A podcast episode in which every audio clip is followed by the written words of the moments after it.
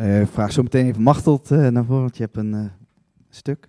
Ik zie trouwens Peter en Helene van der Kuil aanwezig. En ze zijn lid geworden van onze kerk. Dus misschien even, nu ben ik jullie weer kwijt. Maar daar zijn jullie, ja, daar zijn jullie. Ja.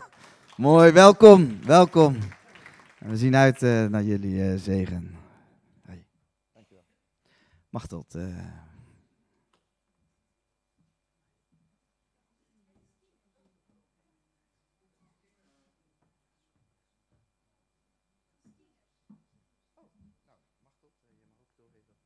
Ja, het zijn de tieners zijn uh, aan de beurt. Fijne dienst jullie met elkaar. En lief zijn, hè?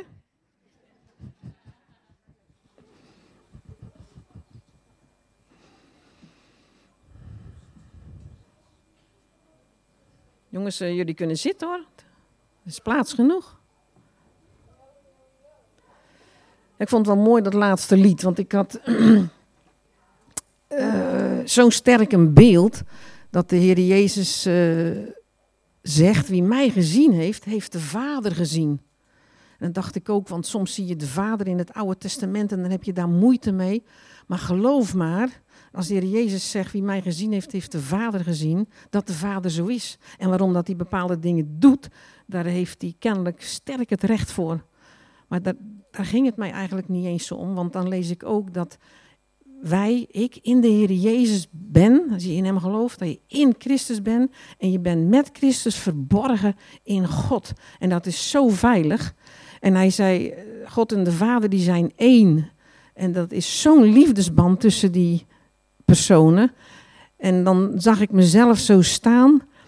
Uh, dat is een drie-eenheid. Maar toen dacht ik van, God, uh, de Vader, de Zoon en ik en jij, als je in Jezus gelooft, dat is als het ware een drie-eenheid. En dan voelde me zo omarmd met de zoon en de vader. En dat je als het ware ook drie in één bent. Want dat zegt hij. Dat je zo verbonden bent met Jezus en met God. En dat is zo'n veilige plek. Dat is zo'n veilige plek. En dat moet je soms gewoon als het ware je inleven. En toen moest ik ook denken, als de, als de, de Heer Jezus zegt, wie mij gezien heeft, heeft de Vader gezien. Dat ik zou moeten kunnen zeggen, wie mij gezien heeft, heeft Jezus gezien. Heeft de Vader gezien. Zo één ben je met hem. Dat is best ook een verantwoording. Maar we weten dat we de geest hebben, die hoort ook bij die drie-eenheid, die je daarin helpt. Maar wees op die manier zo verbonden met God, dat je als het ware ook een drie-eenheid vormt. Koos, Roels, broer.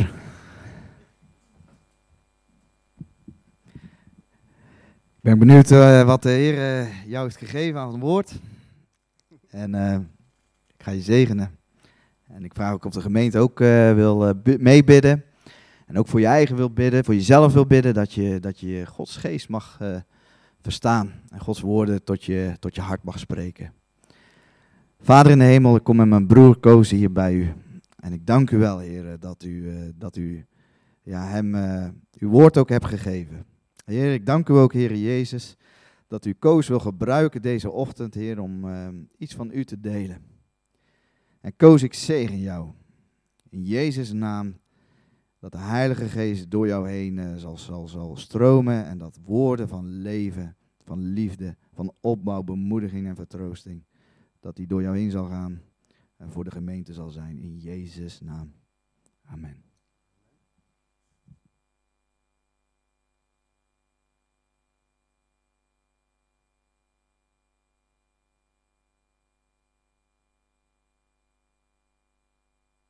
Goedemorgen. Welkom allemaal, ook vanuit mij. Ik wil beginnen eigenlijk met een algemene vraag. En die algemene vraag is, hoe gaat het? Goed hoor, moi. Maar dat is de algemene vraag wanneer we elkaar zien en hoe dat we antwoorden. Goed hoor. En misschien nog wel, uh, prijs de Heer, het gaat heel goed. Halleluja. En toch hoop ik, en toch heb ik gebeden dat u deze ochtend gekomen bent met een verlangen en een gebroken hart. Wat bedoel ik daarmee? Onder het gemaakte, goed hoor, onder het masker van halleluja, prijs de Heer, het gaat me goed.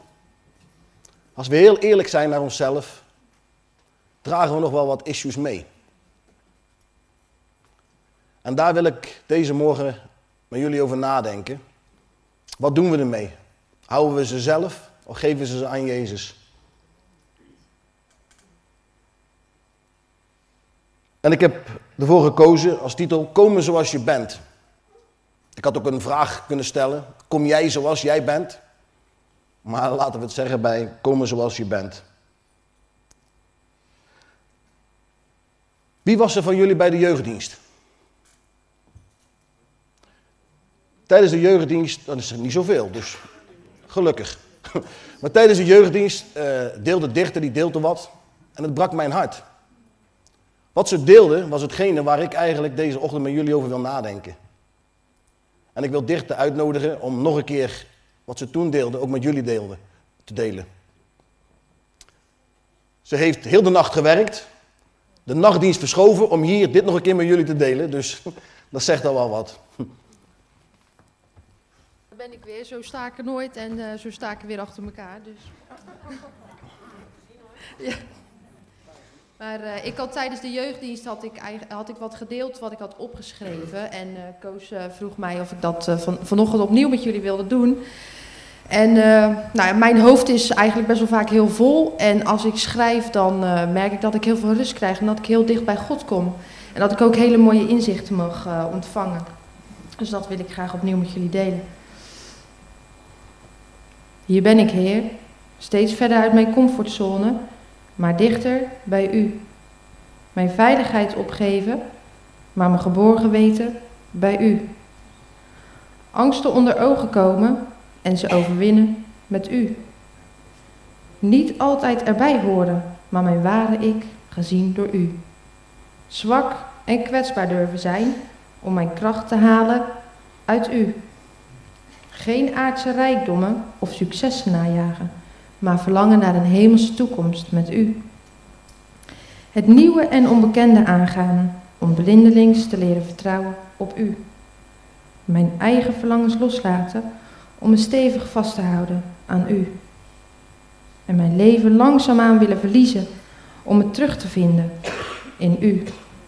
Niet langer gebukt onder schuld en schaamte, maar vrijgemaakt door u.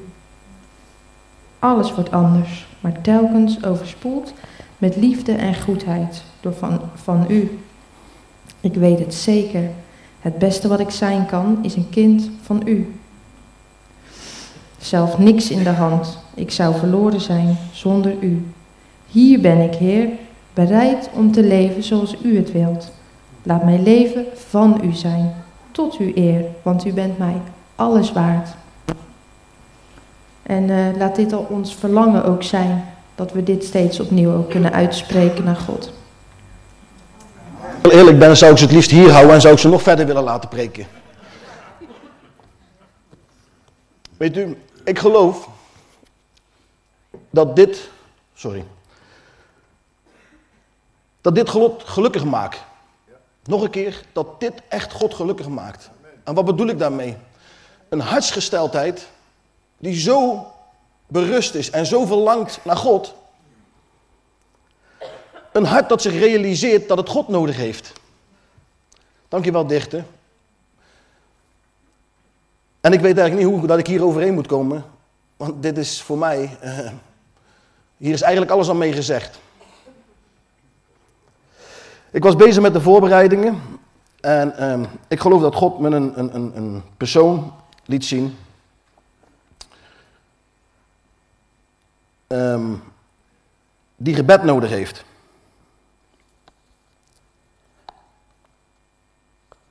En ik wil eigenlijk, eh, die persoon heb ik een, een, een, een, afbeelding van. En ik wil eigenlijk Piet vragen. Piet, wil jij kijken naar deze persoon?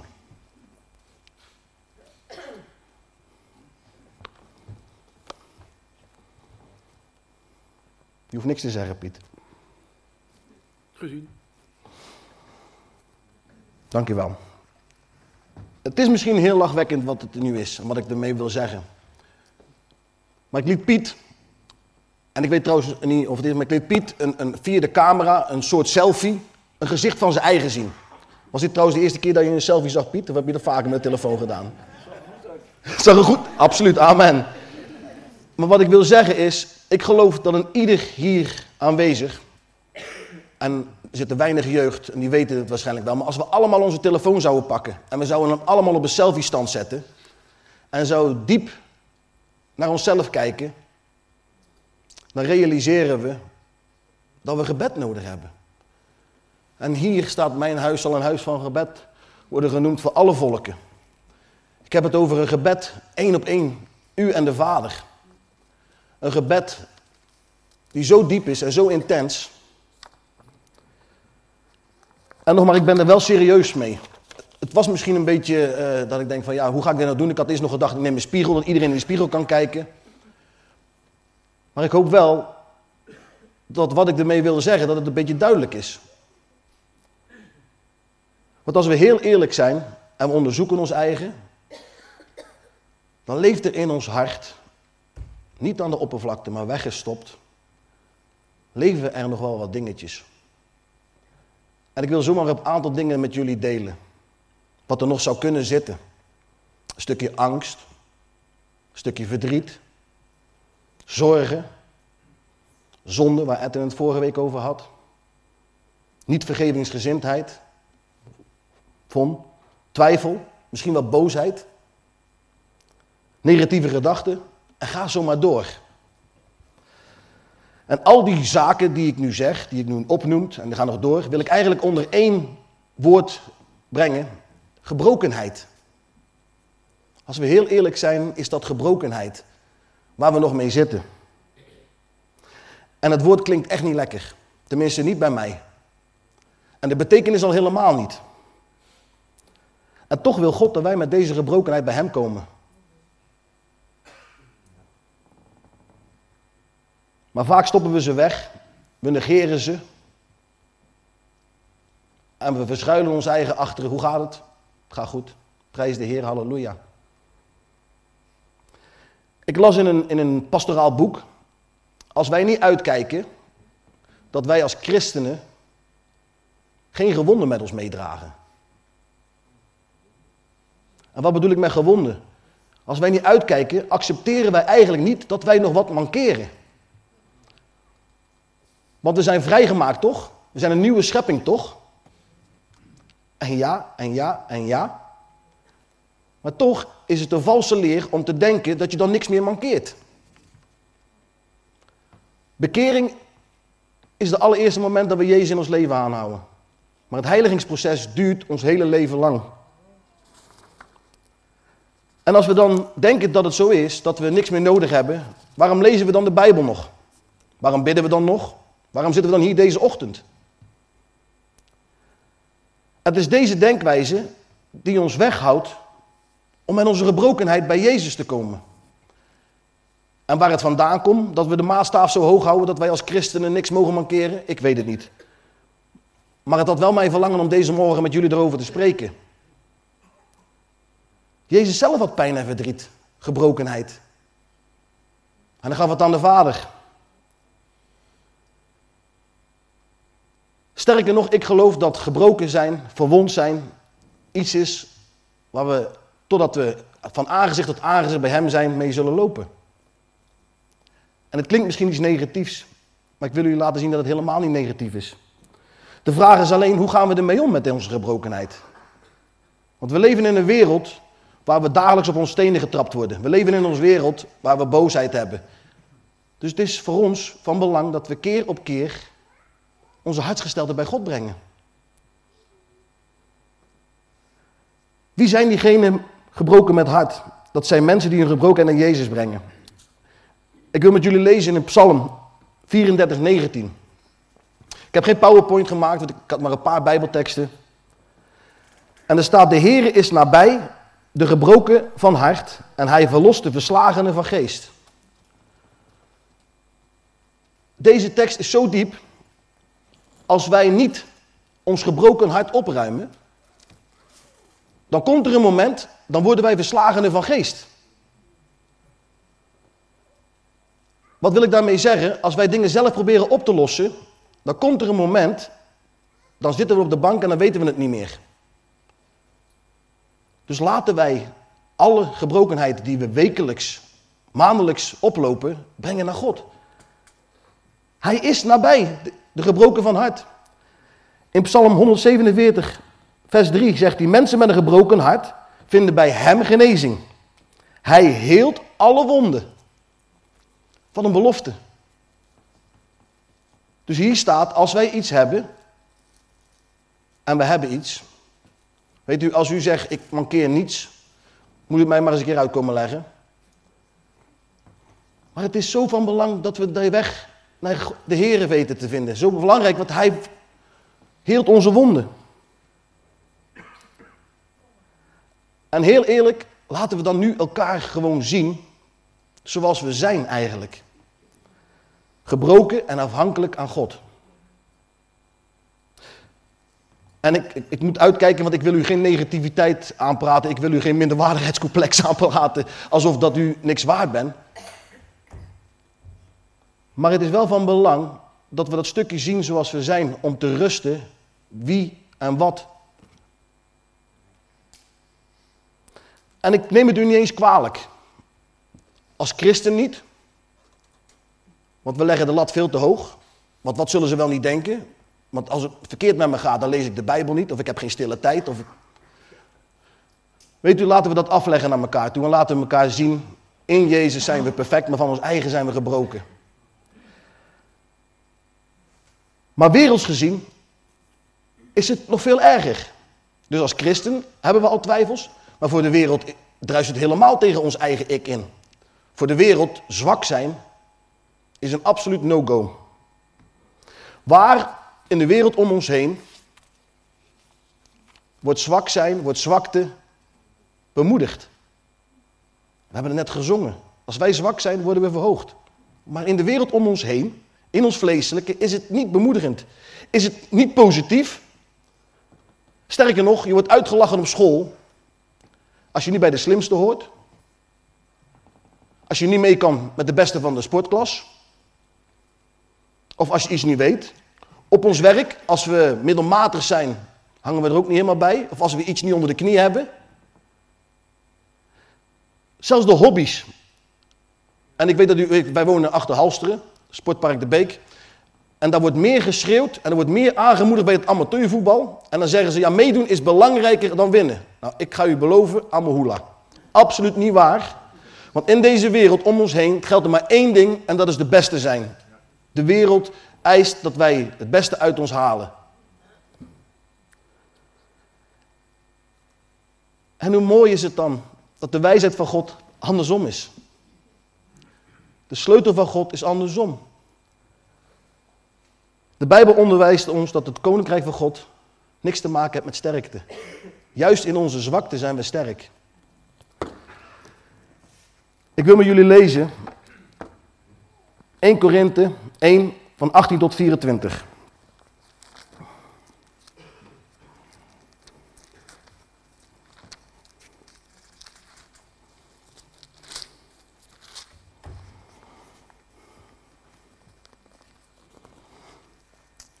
En ik lees het trouwens uit het boek deze keer.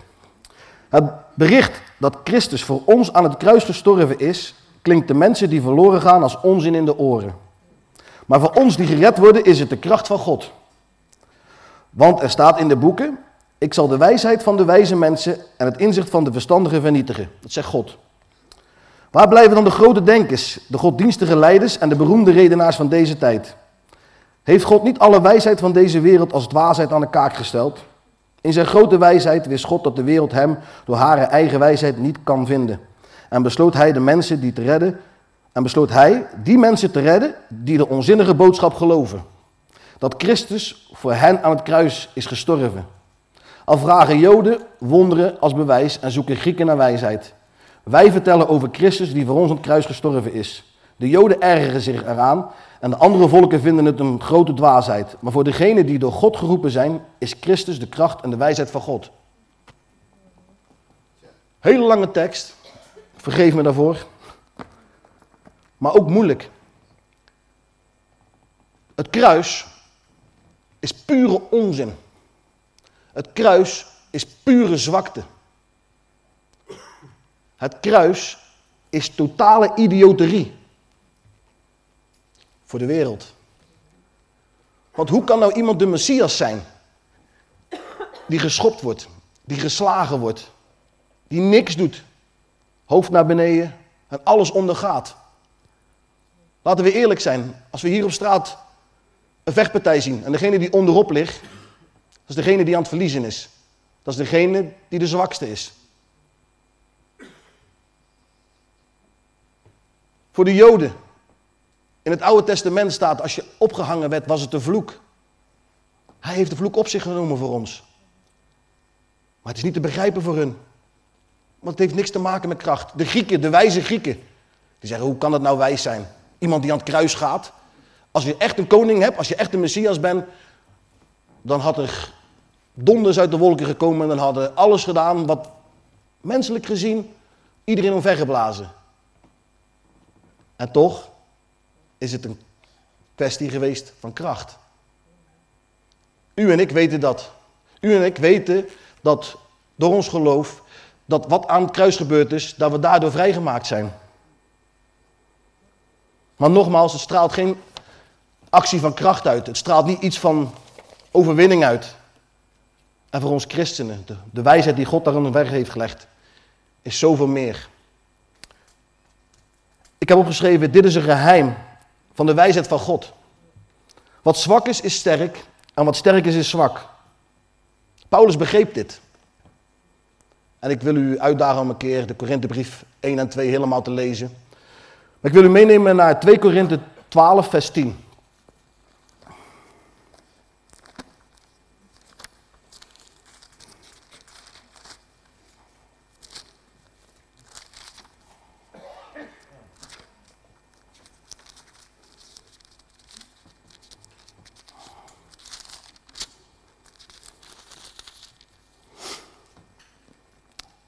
Daarom, zegt Paulus, daarom kan ik zelfs blij zijn over zwakheden, beledigingen, noodsituaties, vervolgen, vervolgingen en moeilijkheden. Die ik ter wille van Christus moet verdragen. Want als ik zwak ben, ben ik pas sterk.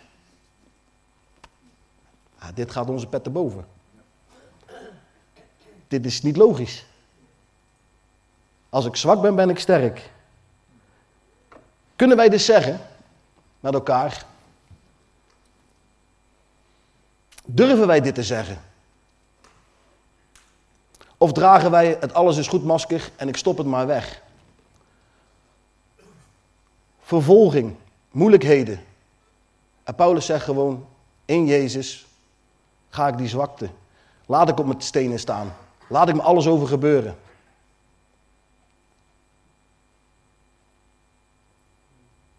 Paulus roemt op zijn zwakheid is, is voor ons mensen, menselijk gezien, iets aparts. Wat ik al zeg, wie roemt er nou op zijn, op zijn zwakte?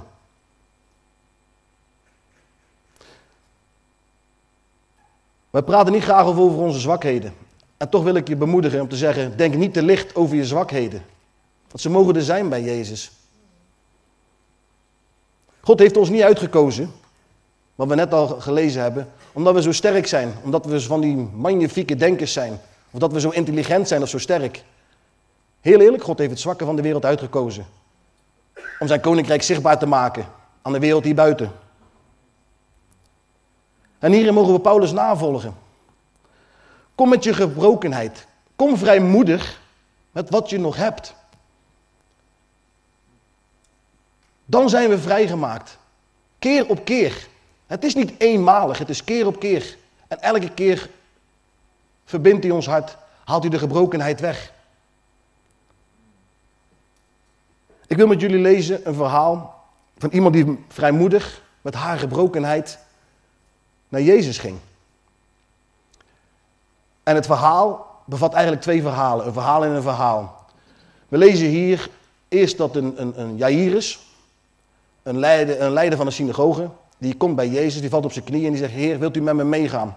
Mijn dochtertje van 12 ligt op sterven. En tijdens, en, en Jezus zegt ja, is goed. En tijdens die, dat ze naar het huis toe gaan, is het een hele lange rij met allemaal mensen die meegaan. En dan vallen we in in het verhaal. In Marcus, hij staat trouwens in meerdere evangelieën, maar ik wil hem lezen vanuit de Marcus 5, vers 25 tot 34.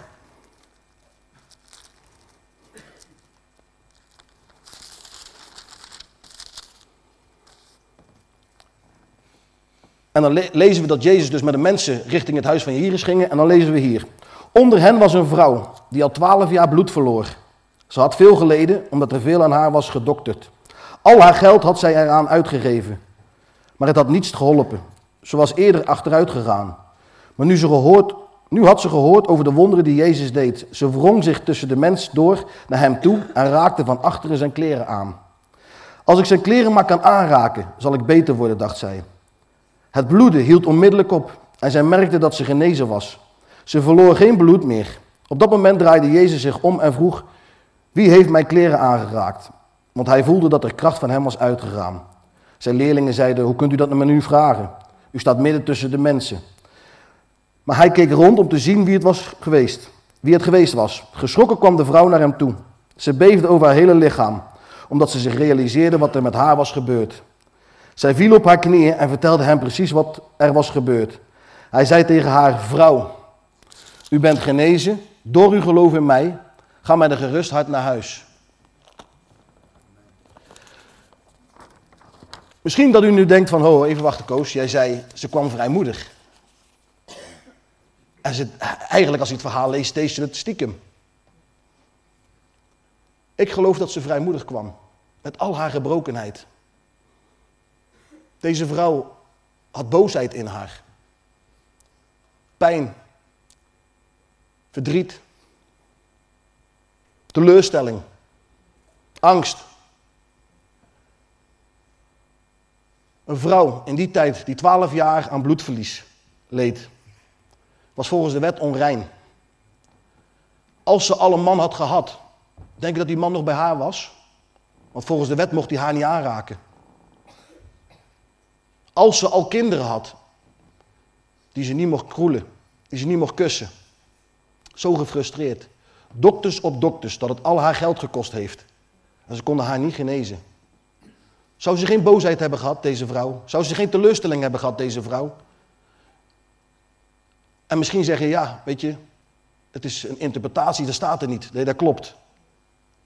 Maar alleen al het feit dat ze een ziekte had die haar in een isolement wegzette, waardoor dat ze met niemand in aanraking kon komen, geeft al genoeg om boosheid in je te houden. Om verslagenheid te hebben, om pijn te hebben. En in al die gebrokenheid vindt zij de moed, vindt zij de kracht om op te staan, om iets te doen wat eigenlijk niet mag, is tussen de menigte, want ze weet dat ze mensen aanraakt, tussen de menigte naar Jezus toe te gaan en hem aan te raken. En op dat moment stopt het bloeden, acuut. Ze wil weglopen en Jezus draait zich om. En hij stelt de vraag, denken wij werkelijk waar dat Jezus niet wist wie, haar, wie hem aanraakte? 100% dat hij het wist. Maar hij keek haar aan. En in al haar schaamte liet ze los. Ze ging naar hem toe, ze viel op zijn knieën en ze legde heel haar verhaal uit naar hem. En weet je wat Jezus dan zegt? Niet waarom ben je stiekem gekomen? Waarom doe je dit zo ineens? Wie ben jij? Helemaal niet. Met een liefdevolle stem zegt hij: Vrouw, u bent genezen door uw geloof. Ga met een gerust hart naar huis. In een andere vertaling staat geen vrede, in de shalom. Het was niet alleen het bloeden wat stopte. Het was de rest wat op dat moment acuut genezen was. Ik heb hierover nagedacht. En Jezus liet haar gaan en ongetwijfeld stroomde er een diepe vrede door haar hart. Ik hoop dat u die diepe vrede kent. Ik hoop dat u die diepe vrede, wanneer Jezus uw gebroken hart in het verleden heeft aangeraakt, je kan herinneren. Je verandert, heb ik opgeschreven, als je Gods liefde hebt ervaren voor jouw zwakheid. Want dat is het. Als je op je diepste punt naar God toe gaat, naar Jezus toe gaat, dan ervaar je zijn liefde. Als je zijn liefde hebt geproefd voor jou, daar ligt de kracht van onze overwinning. Dus nogmaals, het is niet omdat we uh, ons eigen negatief willen voelen, omdat we er niet bij horen. Daar ligt onze overwinning. In onze zwakte alles geven aan Jezus. En misschien zult u denken, ja waarom? Ik kom hier elke zondag, of één keer in de veertien dagen. En ik heb bepaalde dingen een plekje gegeven het gaat goed zo. Ik kan mijn handen omhoog staan, ik kan zingen, ik kan bidden. En toch is er een prediker en die zei het volgende. Als mensen ziek zijn, dan eten ze niet. Als er iets tussen ons en God in zit, dan verteren we zijn woord en belofte slecht. Nog een keer. Als mensen ziek zijn, dan eten ze niet. Als er iets tussen ons en God in zit, dan verteren we zijn woord en belofte slecht. We zijn gemaakt om in vrijheid te leven. En om niet gebonden te zijn en om blokkades te hebben in ons leven. Maar dan moeten we ze wel aan Jezus willen geven. En ik wil niet zo ver gaan om te zeggen van als u slecht de Bijbel kan lezen, als u slecht stille tijd hebt, dan, dan, dan. Nee, ik wil u alleen maar bemoedigen voor uzelf. Leg het bij Jezus weg. Haal die blokkades weg en u gaat leven in vrijheid.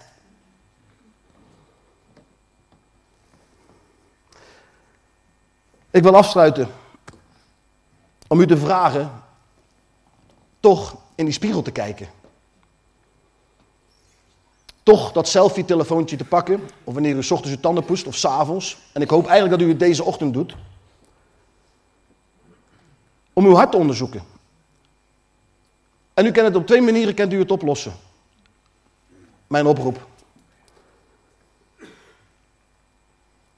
U kan in die spiegel kijken en denken bij uzelf, wow, weet je, het gaat al zo lang goed. Ik heb het daar gestopt en die pijn en verdriet ga ik niet meer opratelen. Het zit er.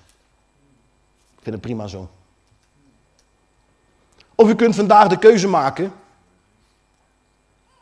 om te zeggen, Heer, ik geef het aan u. Al mijn pijn, al mijn verdriet, al mijn gebrokenheid. Want daar ligt mijn vrijheid, daar ligt mijn overwinning. Als wij zwak zijn, zijn wij sterk. Ik denk dat we hem om moeten draaien om hem echt goed te begrijpen. Als wij sterk zijn, zijn wij zwak. Dus als we het in eigen kracht doen, voor de wereld sterk, zijn we zwak. Als we het zelf proberen op te lossen, zijn we zwak. Weet u, onze afhankelijkheid aan God, dat maakt ons bekwaam. Niet een theologieopleiding maakt ons een leraar. Niet een, een cursus prediken maakt ons een complete prediker. Niet een cursus pastoraat maakt ons een pastorale medewerker. En ik zeg niet dat je het niet moet doen, het draagt er absoluut aan bij. Maar weet u wat wij nodig hebben? Afhankelijk zijn aan Jezus Christus. Dat is wat ons groter maakt en sterker maakt in onze zwakte als de wereld om ons heen.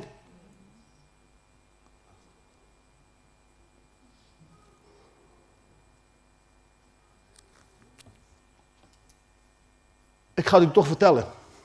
Als u vandaag hier onveranderd naar buiten gaat, ligt het absoluut niet aan de aanbiddingsband. Als u onveranderd naar buiten gaat, ligt het absoluut niet aan wat ik gedeeld heb. En ik hoop dat u het me vergeeft, maar het ligt aan u zelf.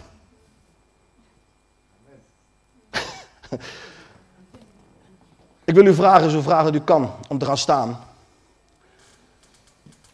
En uw tijd te nemen, één op één met Jezus. Eén op één uw gebrokenheid bij God weg te leggen.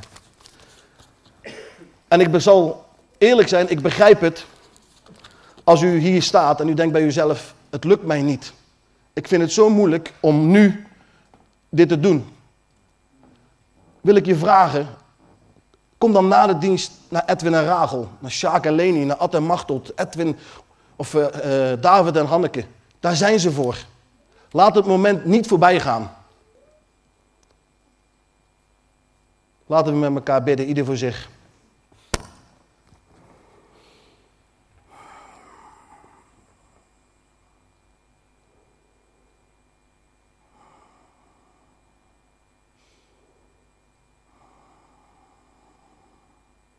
Ja, Vader, ik wil u danken voor uw goedheid. Ik wil u danken voor uw trouw.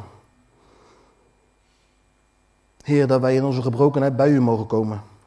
Heer, en ik wil u bidden, Heer. Wil u komen. Met uw liefde, Heer, en ons hart doorstromen, Heer.